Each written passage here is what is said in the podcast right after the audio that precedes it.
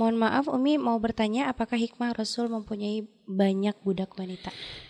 Baik ya, sebenarnya jangan kita bahas langsung kepada Rasulullah Shallallahu Alaihi Wasallam. Kita harus banyak bahas dulu tentang masalah perbudakan. Mhm. Perbudakan secara umum ya. Perbudakan itu sudah ada dari jauh sebelum Islam, dari zaman sebelum Nabi, eh, sebelum Nabi datang dengan membawa risalah Islam, perbudakan itu sudah ada. Mhm. Bahkan di kalangan orang kafir ya, perbudakan itu dengan banyak cara. Misalnya dalam peperangan bisa saja menjadi sebab perbudakan ya dari pihak yang kalah akan dijadikan budak.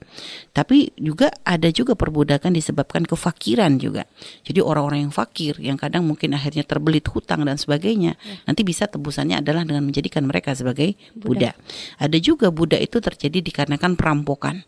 Nah, ini salah satu contoh termasuk Sayyidina Zaid sendiri itu adalah seorang anak yang hasil eh, dipisah dengan bapaknya kan begitu ya, dirampok dipisah dengan bapaknya lalu akhirnya beliau dijadi padahal beliau adalah aslinya adalah seorang yang merdeka lalu dirubah menjadi seorang budak. Dan ini kan terjadi sebelum Islam. Sayyidina Zaid bin Harisah yang akhirnya di, diberi dibeli oleh Sayyidah Sayyidah Khadijah lalu dihadiahkan kepada Nabi Muhammad Shallallahu alaihi wasallam. Artinya sebelum Islam perbudakan itu dengan berbagai ba- dengan banyak cara. Akan tetapi di dalam Islam perbudakan itu tidak ada kecuali dengan satu jalan saja. Jadi jalan untuk menjadi budak itu di dalam Islam dipersempit, tapi jalan untuk memerdekakan budak diperlebar lah ini loh. Jadi beda antara Islam dengan di luar Islam. Makanya jangan sampai ini untuk kita berbicara tentang budak dulu secara umum. Jadi jalan untuk budak itu hanya dipersempit. Pintunya cuma satu. Kapan?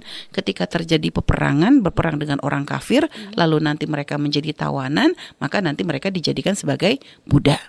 Akan tetapi pintu untuk memerdekakan budak itu dibukakan lebar-lebar, gitu loh. Dibukakan lebar-lebar sehingga misalnya ketika seorang budak itu bisa merdeka, misalnya dengan banyak anjuran ya yang memang oleh Rasulullah diberikan kepada budak, yaitu jangan sampai berbuat dolim kepada budak, jangan sampai memaksakan budak lebih daripada kemampuan mereka, jangan mereka mereka tugas di luar dari kemampuan mereka. Sudah begitu juga Islam mengangkat derajatnya budak gitu ya. Artinya walaupun seorang budak pun kalau dia adalah seorang yang beriman diakui oleh Nabi Muhammad Shallallahu Alaihi Wasallam. Setelah itu juga pahala besar bagi siapa pun yang memerdekakan budak.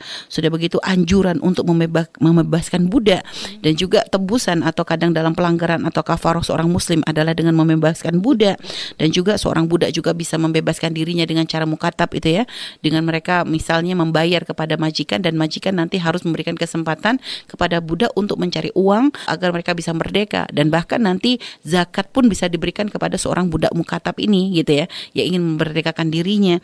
Jadi ada banyak banget gitu ya jalan untuk bisa merdeka. Karena memang begitu. Islam nggak mungkin langsung menghapus serta merta berproses sampai akhirnya benar-benar perbudakan itu terhapus di dalam Islam. Nah hikmah kenapa Nabi kok ada me- mempunyai seorang budak karena apa yang dilakukan Nabi ini menjadi syariat, menjadi contoh, akan diikuti oleh yang lainnya. Sehingga Nabi dengan adanya budak yang dimiliki oleh Nabi ini untuk menjadi pendidikan ya, menjadi pelajaran bagi para sahabat. Bagaimana Nabi berperilaku dengan para budaknya ya. Sedangkan adapun hikmah kenapa kok budak wanita itu adalah boleh digauli dalam Islam, ini ada ada banyak hikmah gitu ya. Karena budak itu dikatakan adalah hak milik tuannya. Sehingga kalau sampai nanti budak itu misalnya menikah dengan dengan orang lain, misalnya budak dinikahi oleh orang lain. Ini akan menjadi menambah bertambahnya perbudakan. Karena nanti dengan pernikahan budak dengan orang lain itu misalnya nanti punya anak, maka anaknya akan menjadi budak lagi. Nah, sehingga makanya di sini seorang budak ini sampai ada yang mengatakan budak itu haram dinikahi. Karena nanti malah menjadi rancu. Akan tapi dengan dia di- diizinkan untuk digauli oleh tuannya gitu ya, diizinkan oleh tuannya, ini tujuannya ya adalah untuk karena seorang budak itu adalah mungkin kalau dia adalah wanita, artinya dia sendiri punya punya hak, punya syahwat yang mungkin harus disalurkan gitu ya. Dan kalau seandainya dia adalah seorang budak laki-laki, dia diizinkan juga untuk menikah dengan sesama budak tentunya.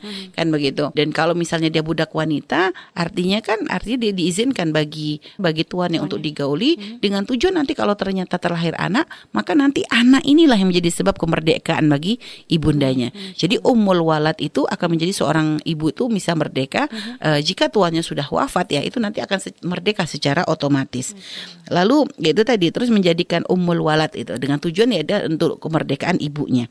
Setelah itu dengan digauli oleh pemiliknya maka menjadikan pemilik ibarat akan lebih peduli, perhatian dan sebagainya karena ya ngerasa ya ibarat sudah digauli menggauli menjadi hak milik begitu kan. Tentu ketika menggauli budaknya si tuan itu akan memberikan perhatian lebih dalam masalah ya mungkin pakaian, pangan dan sebagainya sebagainya sehingga tidak berbuat dolim gitu kan. Dan juga ini juga menjadi solusi mungkin bagi jalan bagi para lelaki yang misalnya belum bisa menikah gitu ya. Tapi mereka punya budak sehingga ibaratnya bisa me melampiaskan syahwatnya pun dengan sesuatu yang halal yaitu dengan menggauli budaknya jika memang ternyata mungkin belum mampu untuk menikah dengan seorang wanita yang merdeka. Mungkin dikarenakan ada tanggung jawab lebih yang harus uh, yang harus diminta. Misalnya kan menjadi seorang suami harus punya kemapanan bisa memberikan nafkah dan sebagainya sehingga mungkin dia adalah seorang wanita seorang yang yang tidak punya tapi ternyata punya seorang budak jadi bisa dilampiaskan syahwatnya adalah dengan budak tersebut. Jadi ada banyak hikmah. Adapun ya tadi kalau nabi punya budak tujuannya semuanya adalah untuk memberikan pendidikan kepada para sahabat dan ini apa yang dilakukan oleh nabi semuanya akan menjadi tolak ukur syariat kan begitu?